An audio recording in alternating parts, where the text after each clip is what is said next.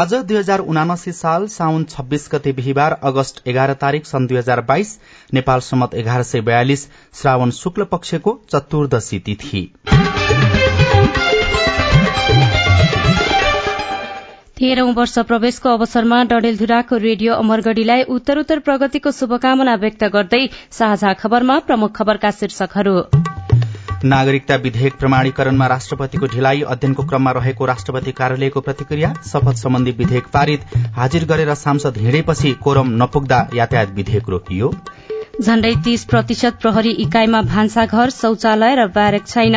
मध्य प्रदेशमा सेटिङमा तस्करी मौलाउँदै बीआरआईमा यथाशक्य चाँडो हस्ताक्षर गर्ने सहमति चीनले नेपाललाई पन्ध्र अर्ब सहयोग गर्दै कोरोना संक्रमण तीन गुणाले बढ़्यो। खाँडीका तारे होटलको रोजाईमा नेपाली कामदार नेपाली कफीको माग विदेशी बजारमा पनि उच्च नुनको विकल्पमा जाँदा मुटु सम्बन्धी रोगबाट मृत्युको जोखिम कम गर्न सकिने एक अध्ययनको निष्कर्ष।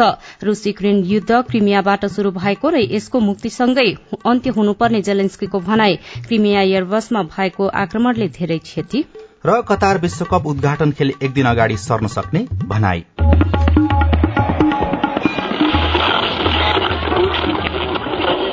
सयौं रेडियो।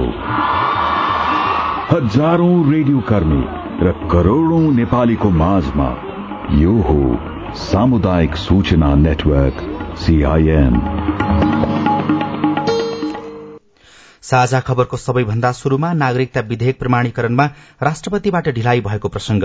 संसदका दुवै सदनले पारित गरेर पठाएको नागरिकता विधेयक राष्ट्रपति विद्यादेवी भण्डारीले बाह्र दिनदेखि विचाराधीन राख्नु भएको छ। विदेशी महिलाले नेपाली पुरूषसँग बिहे गरेमा चाहेको बखत अंगीकृत नागरिकता लिन सक्ने व्यवस्था सहित केपी शर्मा ओली नेतृत्वको तत्कालीन सरकारले गत वर्ष जेठमा अध्यादेश ल्याउँदा भने राष्ट्रपतिले लगत्तै जारी गर्नु भएको थियो। यद्यपि सर्वोच्च अदालतले अध्यादेश कार्यान्वयनमा रोक लगाउँदै नागरिकता जस्तो संवेदनशील विषयमा संसदबाट मात्र कानून बनाउन आदेश दिएको थियो। संसदले सरकारले संसदमा प्रस्तुत गरेको नागरिकता ऐन संशोधन विधेयकमाथि छलफल गरेर प्रतिनिधि सभाले साउन छ र राष्ट्रिय सभाले साउन बाह्रमा पारित गरेको थियो।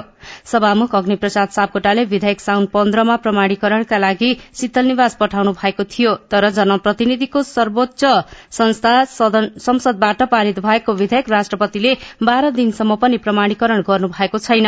कुनै पनि विधेयकमाथि विचार गर्न राष्ट्रपतिलाई पन्ध्र दिनको समय संविधानले नै सुनिश्चित गरेको छ तर राष्ट्रपतिले अघिल्लो सरकारका पाला विधेयक मात्र होइन हरेक अध्यादेश र सिफारिश क्षणभरमै प्रमाणीकरण गर्दै आउनु भएको थियो। गत वर्ष जेठ सातको मध्यराती प्रतिनिधि सभा विघटन गरेका तत्कालीन प्रधानमन्त्री ओलीले त्यही बेला नागरिकता संशोधन अध्यादेश ल्याउनु भएको थियो। अध्यादेश राष्ट्रपतिबाट जेठ नौमा प्रमाणीकरण भएर सोही दिन राजपत्रमा छापिएको थियो। अध्यादेश सिफारिश गर्ने तत्कालीन मन्त्री परिषद र जारी गर्ने राष्ट्रपति कार्यालयलाई समेत विपक्षी बनाएर कानून व्यवसायीहरूले सर्वोच्च अदालतमा रिट दर्ता गरेका थिए। दुई सातापछि जेठ सत्ताइसमा संवैधानिक इजलासले अन्तरिम आदेश जारी गर्दै कार्यान्वयनमा रोक लगाएको थियो। राष्ट्रपति कार्यालयले भने नागरिकता सम्बन्धी विधेयक अध्ययनको क्रममा रहेको बताएको छ। संविधानको धारा एक सय तेह्रमा प्रमाणीकरणका लागि राष्ट्रपति समक्ष पेश भएको विधेयक पन्ध्र दिनसम्म प्रमाणीकरण गरी त्यसको सूचना यथासम्भव चाँडो दुवै सदनलाई दिनुपर्ने व्यवस्था छ। नेपालको संविधान अनुसार राष्ट्रपतिको भूमिका सरकार र संसदलाई सघाउने खालको भए पनि विधेयक प्रमाणीकरणमा ढिलाइ गरेको प्रति अरू सरकारवालाले पनि चिन्ता व्यक्त गरिरहेका छन्। तर संविधानविदहरूले भने राष्ट्रपतिसँग केही दिन अध्ययनका लागि समय लिन सक्ने अधिकार रहेको बताए बताएका छन्।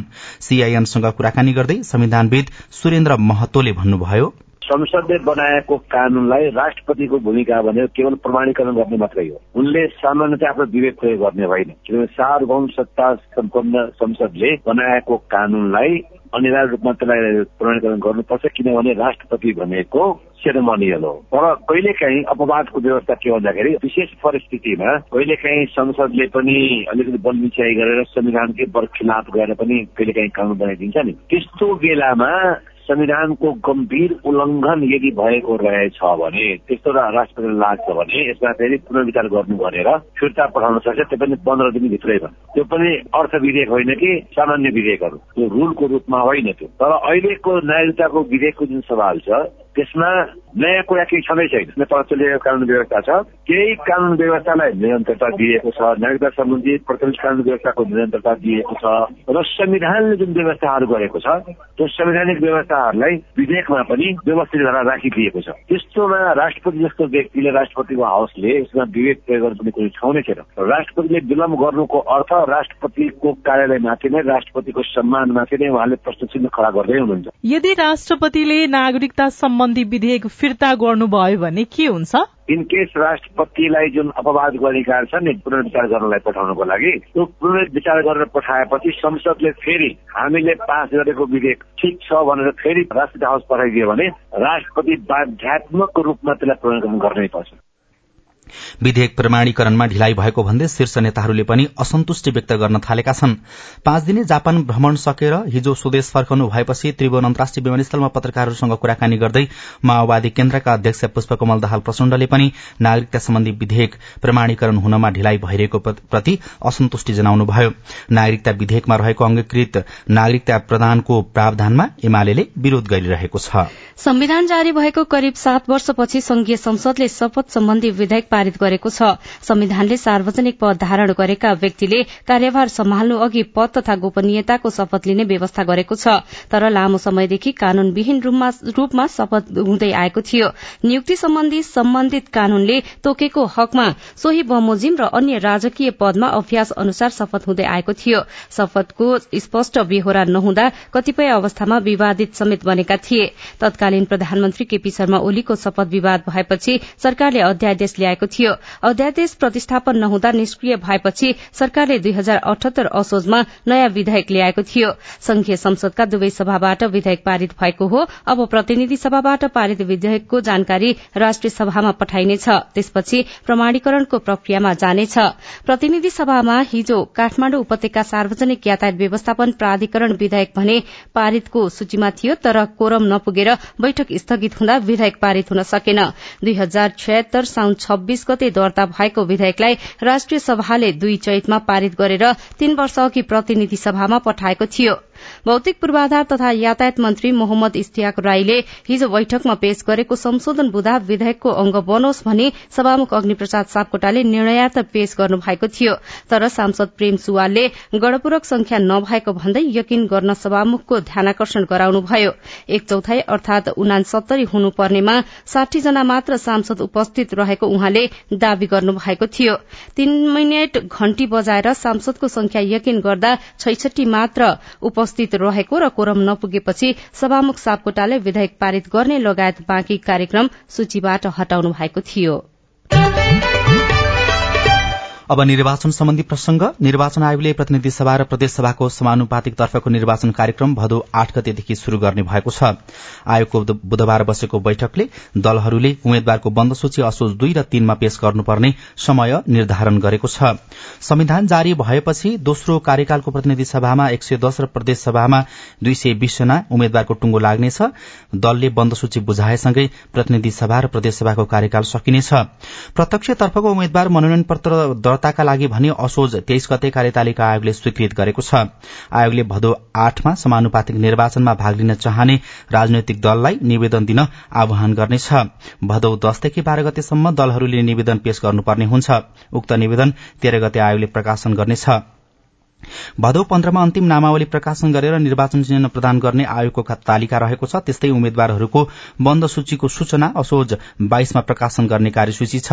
तेइस असोजमा प्रतिनिधि र प्रदेशसभाको प्रत्यक्षतर्फको उम्मेद्वार मनोनयन दर्ता गर्ने आयोगको तयारी रहेको छ। समानुपातिक तर्फको उम्मेद्वारको अन्तिम बन्द सूची कार्तिक नौ गते प्रकाशन गर्ने आयोगले जनाएको छ। समानुपातिक निर्वाचन प्रणाली अन्तर्गत देशलाई एक निर्वाचन क्षेत्र मानेर दललाई मत दिने र प्रत्येक दलले प्राप्त गरेको कुल मत संख्याको अनुपात अनुपातमा त्यस्तो दलको तर्फबाट प्रतिनिधित्व गर्ने उम्मेद्वार प्रतिनिधि सभाको सदस्यमा निर्वाचित हुनेछन्। साउन गते चार प्रतिशतको हाराहारीमा रहेको कोरोना संक्रमण दर तीन गुणाले बढ़ेको छ। हिजो संक्रमण दर तेह्र प्रतिशत पुगेको छ। अस्ति एक हजार नब्बे जनामा संक्रमण पुष्टि भएको थियो। स्वास्थ्य तथा जनसंख्या मन्त्रालयका अनुसार हिजो केही संख्या घटेर आठ सय अडसठी जनामा संक्रमण पुष्टि भएको छ। तर परीक्षण दर बढ़ाउने हो भने संक्रमितको संख्या पनि बढ़ने स्वास्थ्य विज्ञहरू बताउँछन्। स्वास्थ्य तथा जनसंख्या मन्त्रालयका प्रवक्ता डाक्टर समीर कुमार अधिकारीका अनुसार पछिल्लो समय संक्रमितको संख्या धेरैले बढ़ेको छ। संक्रमितसँगै मृत्युदर पनि बढ़ेको उहाँले जानकारी दिनुभयो। कोविड उन्नाइसबाट संक्रमित लगभग पचास प्रतिशत मानिसहरूमा कुनै पनि लक्षण देखिँदैन। पछिल्लो कोविड उन्नाइस संक्रमणको कारण अस्पताल भर्ना स्वास्थ्य जटिलता र मृत्युको तथ्याङ्क हेर्दा कोविड उन्नाइस विरूद्धको खोप नलगाएको वा पूर्ण मात्रा नगरेको व्यक्तिहरूमा चाहिँ बढ़ी भएको पाइएको छ। खोप लगाउनु भएकाहरूको तुलनामा खोप नलगाउनु भएकाहरूलाई कोविड उन्नाइस संक्रमण भएमा गम्भीर रूपमा बिरामी पार्ने र मृत्यु हुन सक्ने सम्भावना दश गुणा बढ़ी हुने अध्ययनहरूले देखाउँछन्। त्यसैले खोप नलगाउनु भएका वा पूर्ण मात्रा लिन कोही कतै छुट्नु भएको छ भने लगाउनु हुन अनुरोध छ। कोरोना संक्रमितको बढ़दो संख्याले कोरोना संक्रमणको चौथो लहर शुरू भएको संकेत गरे पनि सरकारले आधिकारिक रूपमा बताएको छैन। साउन महिनादेखि संक्रमण वृद्धि उच्च हुँदै गएको छ।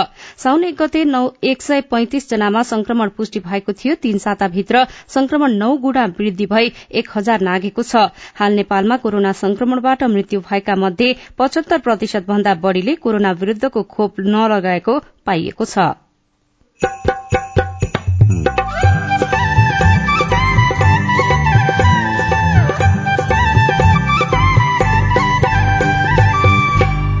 सामुदायिक सूचना नेटवर्क सीआईएन मार्फत देशभरि प्रसारण भइरहेको साझा खबरमा विश्व बजारमा नेपाली कफीको माग उच्च।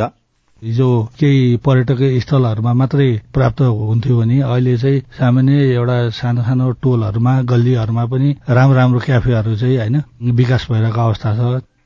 झण्डै तीस प्रतिशत प्रहरी इकाइमा भान्साघर शौचालय र ब्यारेक छैन। मध्य प्रदेशमा सेटिङमा तस्करी मौलाउँदै लगायतका खबर बाँकी नै छन्। सीआईएनको साझा खबर सुन्दै गर्नुहोला।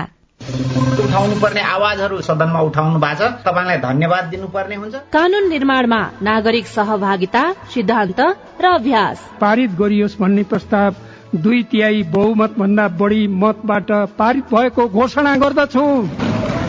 कानून कार्यान्वयनमा सांसद र संसदको जवाफदेहिता। र जिल्लाको र समग्र मुलुकका चाहिँ सवालहरूलाई संसदमा उठाउने सवालहरूमा म आफूले सशक्त ढंगले भूमिका खेले भन्ने लाग्छ। संसदीय प्रक्रियामा जनता र सरकारवाला निकायको नजर। युवाको क्षेत्रमा त्यति धेरै काम भएको छैन। युवालाई चाहिँ ओजरमै राखेर अहिले काम भइरहेको छ। युवाहरूलाई चाहिँ रोजगारीमा जोड्नुपर्छ भनेर अहिले केही कार्यक्रमहरू पनि सञ्चालन गरेका छौं। जनतादेखि नेतासम्म नीतिदेखि नेतृत्वसम्म युवा सीमान्तकृत वर्ग जाति अल्पसंख्यकका सवालहरू। जनताको कुरा राख्ने ठाउँ संसदै हो। हामी कार्यपालिका होइन व्यवस्थापिका हो नीति निर्माण गर्ने हो। अब सवाल मात्रै होइन जवाबसँगै देखिन्छ प्रभाव पनि। कार्यक्रम हेलो सांसद। सीआईएन मार्फत मुलुकभरका सामुदायिक रेडियोमा हरेक बिहिबार बेलुकाको साझा खबरमा र भोलिपल्ट शुक्रबार बिहान साढे छ बजे कार्यक्रम हेलो सांसद। सीआईएन को फेसबुक पेज र युट्युब च्यानलमा सांकेतिक भाषामा पनि हेर्न सक्नुहुनेछ। सामाजिक रूपान्तरणका लागि यो हो सामुदायिक सूचना नेटवर्क सीआईएन तपाईँ देशभरिका सामुदायिक रेडियो सीआईएन खबर डट कम र मोबाइल एप सीआईएनबाट एकैसाथ साझा खबर सुन्दै हुनुहुन्छ। अब आज काठमाडौँबाट प्रकाशित पत्र पत्रिकाको खबर। गोर्खापत्र दैनिकमा पालमा प्रहरी शीर्षकमा खबर छापिएको छ। शान्ति सुरक्षा कायम गर्ने र अपराध अनुसन्धान गरी दोषीलाई कानूनी कठघरासम्म पुर्याउने जिम्मेवारी नेपाल प्रहरीलाई छ। तर त्यस्तो काम गर्न प्रहरीलाई पूर्वाधार र सुविधा भने ज्यादै न्यून छ। कोखदेखि शोकसम्म नागरिकसँग प्रत्यक्ष जोडिनुपर्ने सरकारको पहिलो प्रतिनिधि संस्था न्यूनतम पूर्वाधार बिना नै चौविस घण्टा सुरक्षार्थ खटिन बाध्य छ। नेपाल प्रहरीका देशभर दुई हजार छ सय साठी प्रहरी कार्यालय र ती मातहतका एकाइ छन्। तीमध्ये करिब एक तिहाईमा ब्यारेक भान्साघर शौचालय जस्ता आवश्यक न्यूनतम पूर्वाधार समेत छैनन्। त्यस्ता धेरै जस्तो इकाइमा पालको भरमा छन्। सात सय बयालिसवटा प्रहरी इकाइ त सार्वजनिक गुठी वा गैर सरकारी संस्थाका भवनलाई अस्थायी रूपमा प्रयोग गर्न बाध्य छन्। त्यो भन्दा बढ़ी आठ सय सड़चालिस प्रहरी इकाइको आफ्नै कार्यालय समेत छैन। आठ सय सन्तानब्बे र आठ सय बयासी प्रहरी इकाइमा क्रमशः भान्साघर र शौचालय नै छैनन्। यस्तै नागरिक दैनिकले मध्य प्रदेश सेटिङमा मौलाउँदै तस्करी शीर्षकमा खबर लेखेको छ। अघिल्लो बुधबार राति साढे आठ बजे माडर भन्सार नाका क्षेत्रबाट भन्सार छलेर ल्याइएको कपड़ाका बोराले भरिएको भीआर एक भीएन त्रियानब्बे सन्ताउन्न नम्बरको कारले सिराहा चोहरवा सड़क खण्डमा एक साइकल यात्रीलाई ठक्कर दियो। साइकलमा सवार सिराहा नगरपालिका बाइसका दिनेश सदा र यसिन धामी घाइते भएपछि कार सड़कमै छोडेर चालक फरार भए। दुर्घटनास्थल पुगेर अनुसन्धान गर्दा विष्णुपुर प्रहरी चौकीले कारभित्र तीनवटा बोरामा कपड़ा बरामद गर्यो। बरामद कपड़ा सहित कारलाई जिल्ला प्रहरी कार्यालय सिराहा मार्फत भोलिपल्ट जिल्ला भन्सार कार्यालय माडरमा बुझाइएको थियो। तस्करीका सामान सहित माडर नाका क्षेत्रबाट भित्रिएको उक्त कारको प्रवेश लागत त्यहाँको भन्सारमा छैन। यस्तै मध्य प्रदेशका जिल्लाहरूमा कार्यरत रहँदा प्रहरी आचरण विपरीत कार्य गरेको आरोपमा थन्काइएका प्रहरीलाई घुमुवा र इन्चार्जको जिम्मेवारी दिइएको खबर छ। नयाँ पत्रिका दैनिकमा परराष्ट्र मन्त्री खड्का र चिनिया विदेश मन्त्री वाङबीच औपचारिक भेटवार्ता भएको खबर छापिएको छ। परशुराम काफ्लेले यो खबर लेख्नु भएको हो।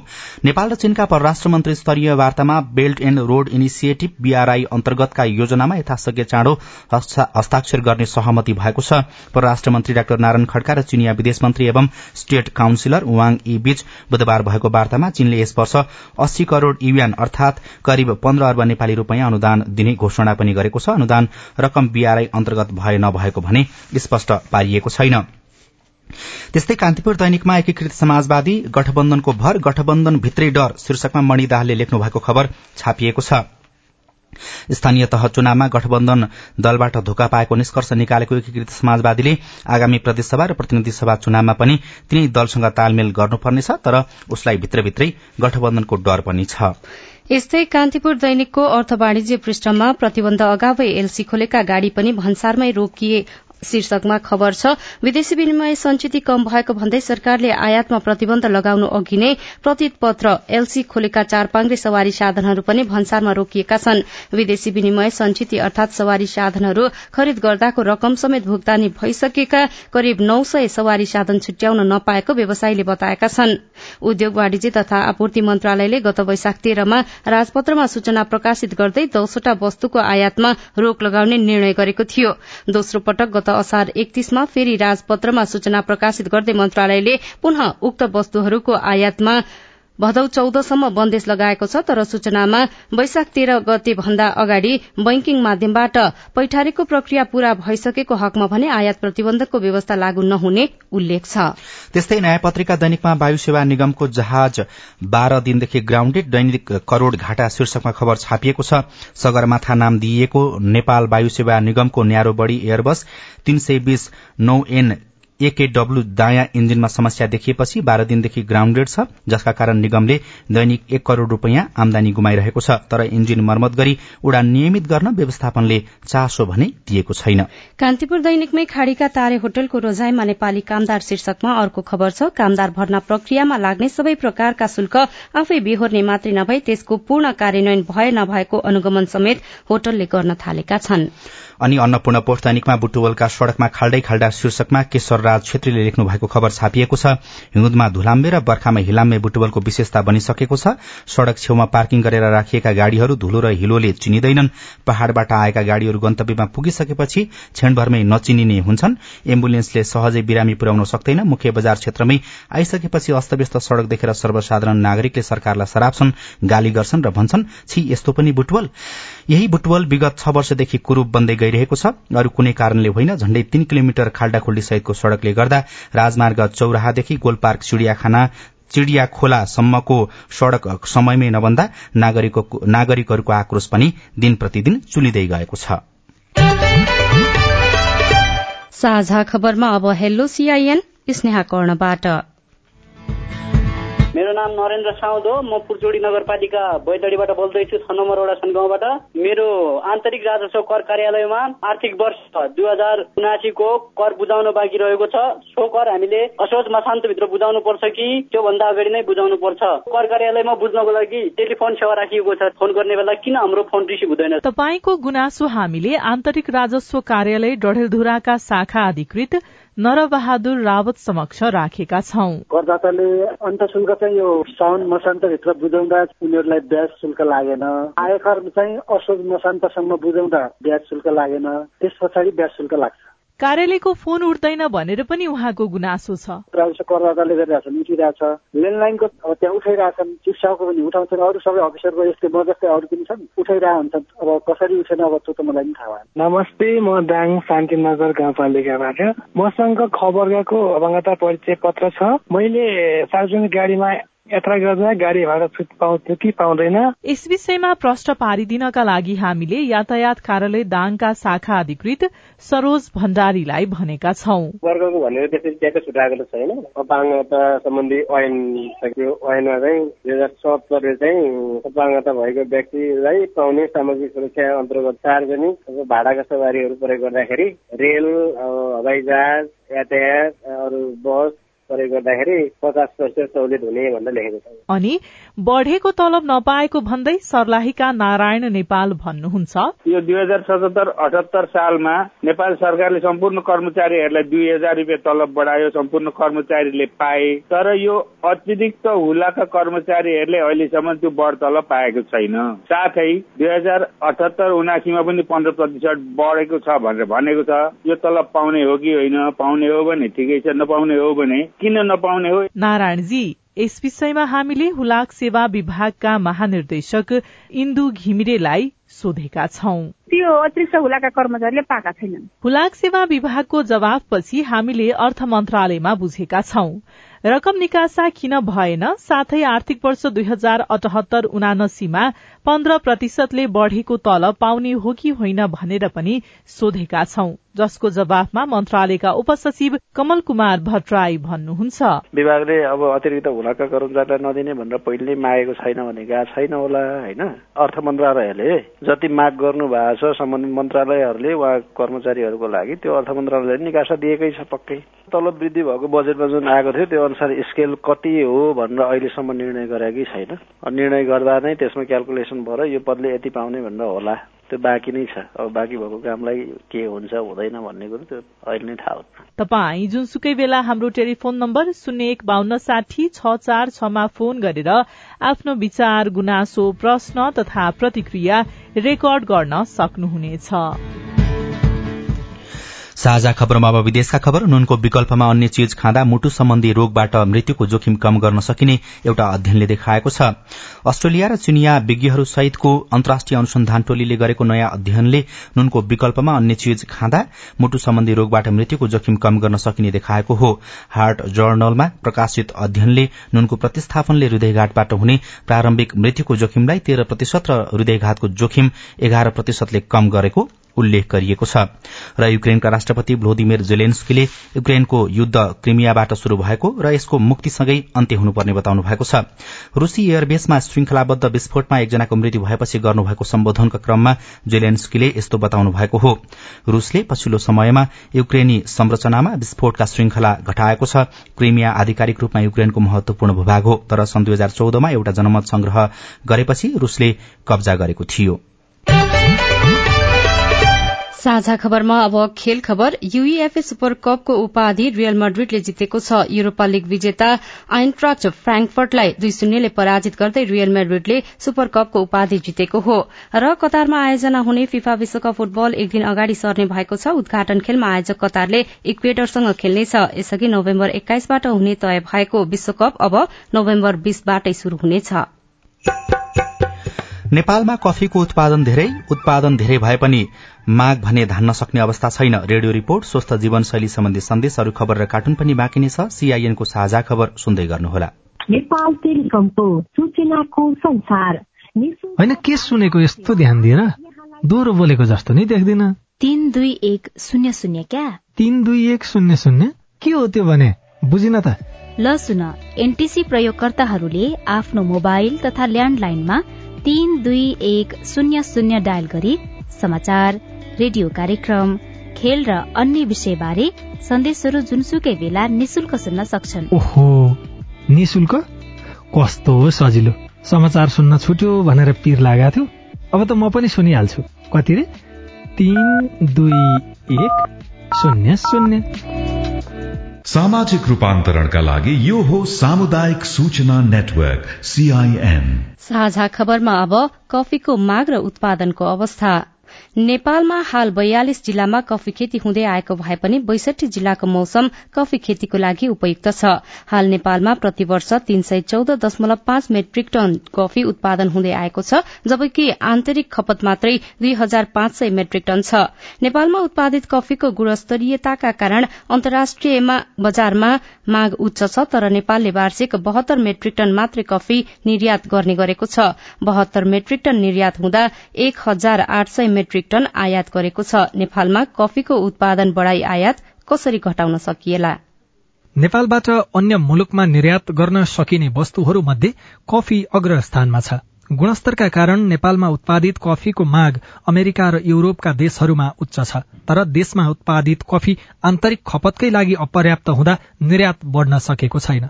निर्यात बढ़ाउन उत्पादन बढ़ाउनु आवश्यक भए पनि राज्यको प्रोत्साहन नहुँदा किसानहरू कफी खेतीका लागि उत्साहित छैनन्। पर्वतका कफी किसान भवानी प्रसाद शर्मा। अहिलेको ज्ञान केन्द्र कृषि ज्ञान केन्द्र र विशेष गरी पालिकाहरू र वार्डहरूसँग यिनीहरूसँग त कार्यक्रमै शून्य छ जसले गर्दा उही परम्परागत उही टनल भने छ विदेशी चाहिँ प्लास्टिकहरू खरिद गर्ने ल्याउने त्यस्तो चाहिँ गर्ने कमिसनमा काम भए र कफीमा त केही पनि आउन सकेन कि? गुल्मी आपचौरका हिरागिरीले विक्रम सम्मत उन्नाइस सय पञ्चानब्बेमा बर्माबाट बिउ ल्याएर पहिलो पटक नेपालमा कफी खेती गर्नु भएको थियो।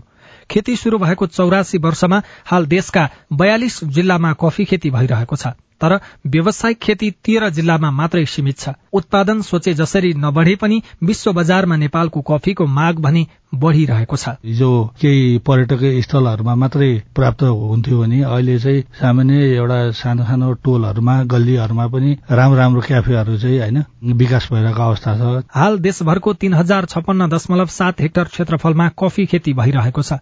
जबकि झण्डै एघार लाख हेक्टर क्षेत्रफलमा कफी खेती गर्न सकिन्छ। रौतहटका कफी व्यवसायी अमर श्रेष्ठले वार्षिक बीस मेट्रिक टन कफीको कारोबार गर्ने गर्नु भएको छ। नेपालमा कफी खाने चलन बढ्दै जाँदा आयात पनि बढ़िरहेको छ। अहिले हाम्रो मासिक बिस हजार केजीसम्म हाम्रो खपत हुन्छ। नेपालमा चाहिँ उत्पादन कम छ। त्यो कारणले गर्दा हाम्रो बजारमा चाहिँ विशेष गरी इन्डियन कफीकै मार्केट छ। स्विजरल्याण्ड जापान नर्वे क्यानाडा दक्षिण कोरिया लगायत मुलुकबाट वार्षिक आठ हजार मेट्रिक टन नेपाली कफीको माग छ।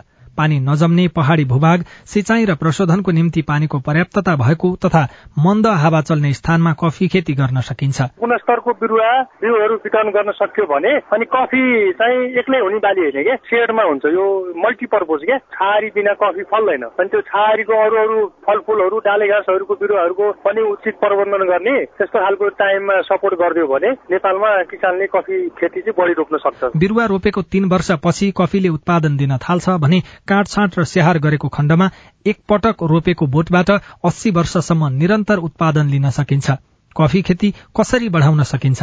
राष्ट्रिय कफी उत्पादक महासंघका महासचिव सन्तोष पोखरेल। सय रुपियाँमा कफी खेती गर्ने इच्छा आयो तपाईँले सय रुपियाँ आफ्नो नाममा जग्गा किनेर फार्म गर्न पाउनुमा तपाईँलाई जग्गाको हदबन्दी लाग्छ। त्यो पनि पोलिसीले हामीलाई एड्रेस गरेका छैन। यो त निर्यात जन्ने उत्पादन भयो। भोलि भित्र खाइएन बाहिर पठाउनु पर्यो भने बाहिर एक्सपोर्ट गर्दाखेरि विभिन्न देशका आफ्ना नर्म्स छन्। क्वालिटीको स्ट्यान्डर्ड छ कफीमा विभिन्न चाहिँ परीक्षणहरू हुन्छन्। ती अनुसारको हामीसँग ल्याबोरेटरी सपोर्ट छैन ल्याब छैन हामीसँग। इन्टरनेसनल मार्केटमा गएर आजै नेपालको कफी बेच्छु भनेर गयो भने नेपालको आफ्नै छुट्टै पहिचान भएको लोगो हाम्रो ट्रेडमार्क आफ्नो ब्रान्ड पनि छैन। यो जति छ प्राइभेट सेक्टरले आफ्नो तर तर्काबाट आफ्नो मिहिनेतले बलबुताले अन्तर्राष्ट्रिय बजारमा चिनाएको छ। राज्य स्तरमा नेपाल कफीलाई चिनाउनलाई एउटा पनि कार्यक्रम गर्यो चखायो व्यापारी भेला गरायो वर्कसप गर्यो कन्फरेन्स गर्यो अथवा कफीलाई चाहिँ पार्लियामेन्टमा पुर्यायो यो यो किसिमको चाहिँ गभर्मेन्ट लेभलबाट केही पनि भएको छैन। इथियोपियाका बाख्रा गोठालोले पहिलो पटक पत्ता लगाएको अरबिका जातको कफी नेपालको हावापानीमा उत्तम मानिन्छ। यसको खेती र उत्पादन बढ़ाउन सके कफी निर्यात गरेरै नेपालको अर्थतन्त्र उकास्न सकिने विज्ञहरू बताउँछन्। तर त्यसको लागि सरकारले विशेष योजना ल्याउनुपर्छ। अविनाश आचार्य सीआईएन काठमाडौँ। रिपोर्टसँगै हामी साझा खबरको अन्त्यमा आइपुगेका छौं। सामुदायिक रेडियो प्रसारक संघद्वारा संचालित सीआईएनको बिहान छ बजेको साझा खबर सक्नु अघि मुख्य मुख्य खबर फेरि एकपटक। नागरिकता विधेयक प्रमाणीकरणमा ढिलाइ। अध्ययनको क्रममा रहेको राष्ट्रपति कार्यालयको प्रतिक्रिया शपथ सम्बन्धी विधेयक पारित हाजिर गरेर सांसद हिँडे कोरम नपुगेपछि यातायात विधेयक रोकियो। झण्डै तीस प्रतिशत प्रहरी इकाइमा भान्साघर शौचालय र ब्यारेक छैन। मध्य प्रदेशमा सेटिङमा तस्करी मौलाउँदै बीआरआईमा यथाशक्य चाँडो हस्ताक्षर गर्ने सहमति चीनले नेपाललाई पन्ध्र अर्ब सहयोग गर्दै। कोरोना संक्रमण तीन गुणाले बढ़्यो। खाड़ीका तारे होटलको रोजाईमा नेपाली कामदार नेपाली कफीको माग विदेशी बजारमा पनि उच्च। नुनको विकल्पमा जाँदा मुटु सम्बन्धी रोगबाट मृत्युको जोखिम कम गर्न सकिने एउटा अध्ययनको निष्कर्ष रूस युक्रेन युद्ध क्रिमियाबाट शुरू भएको र यसको मुक्तिसँगै अन्त्य हुनुपर्ने जेलेन्स्कीको भनाई। र कतार विश्वकप उद्घाटन खेल एक दिन अगाडि नै सर्न सक्ने। साझा खबर कन्तीमा कार्टुन लिएका छौं राजधानी दैनिकबाट। कुरी कुरी शीर्षकमा उत्तम नेपालले बनाउनु भएको कार्टुन छ। यहाँ एउटा पार्टी कार्यालय भनेर देखाइएको छ। दुईजना नेता जस्ता देखिने व्यक्ति छन्। एकजना चाहिँ केही सोधिरहेका छन् अर्का एकजना चाहिँ उतैतिर फर्किएका छन्। तर हातले केही कुरा फालिरहेको जस्तो देखिन्छ। रद्दीको टोकरीमा कागजपत्र फालिरहेको जस्तो यहाँ देखाउन खोजिएको छ। खास गरी घोषणा पत्र बनाउँछन् दलहरूले चुनाव भन्दा अगाडि। त्यसमा मिठा मिठा कुराहरू पनि लेखिन्छ। सुनौला सपनाहरू पनि देखाइन्छ। तर चुनाव जिते पछाडि घोषणा पत्र कता पुग्छ थाहा हुँदैन। दलहरूले सबै कुरा बिर्सन्छन्। त्यही कुरालाई व्यङ्ग्य गर्न खोजिएको छ र तल चाहिँ यस्तो लेखिएको छ। पहिलाको चुनावको घोषणा पत्र रच क्या? ढुसी परेर डुङ डुङ गन्याएर छ त्यही भएर फाल्या। हवस् त प्राविधिक साथी सुनिल राज भारतलाई धन्यवाद। अहिलेलाई राजन रुचाल र सजना तिमल्सिना विदा भयौं। तपाईँको आजको दिन शुभ होस्। नमस्कार। यसपछि देशभरिका सामुदायिक रेडियोबाट कार्यक्रम साझा आवाज प्रसारण हुनेछ। सुन्ने प्रयास गर्नुहोला।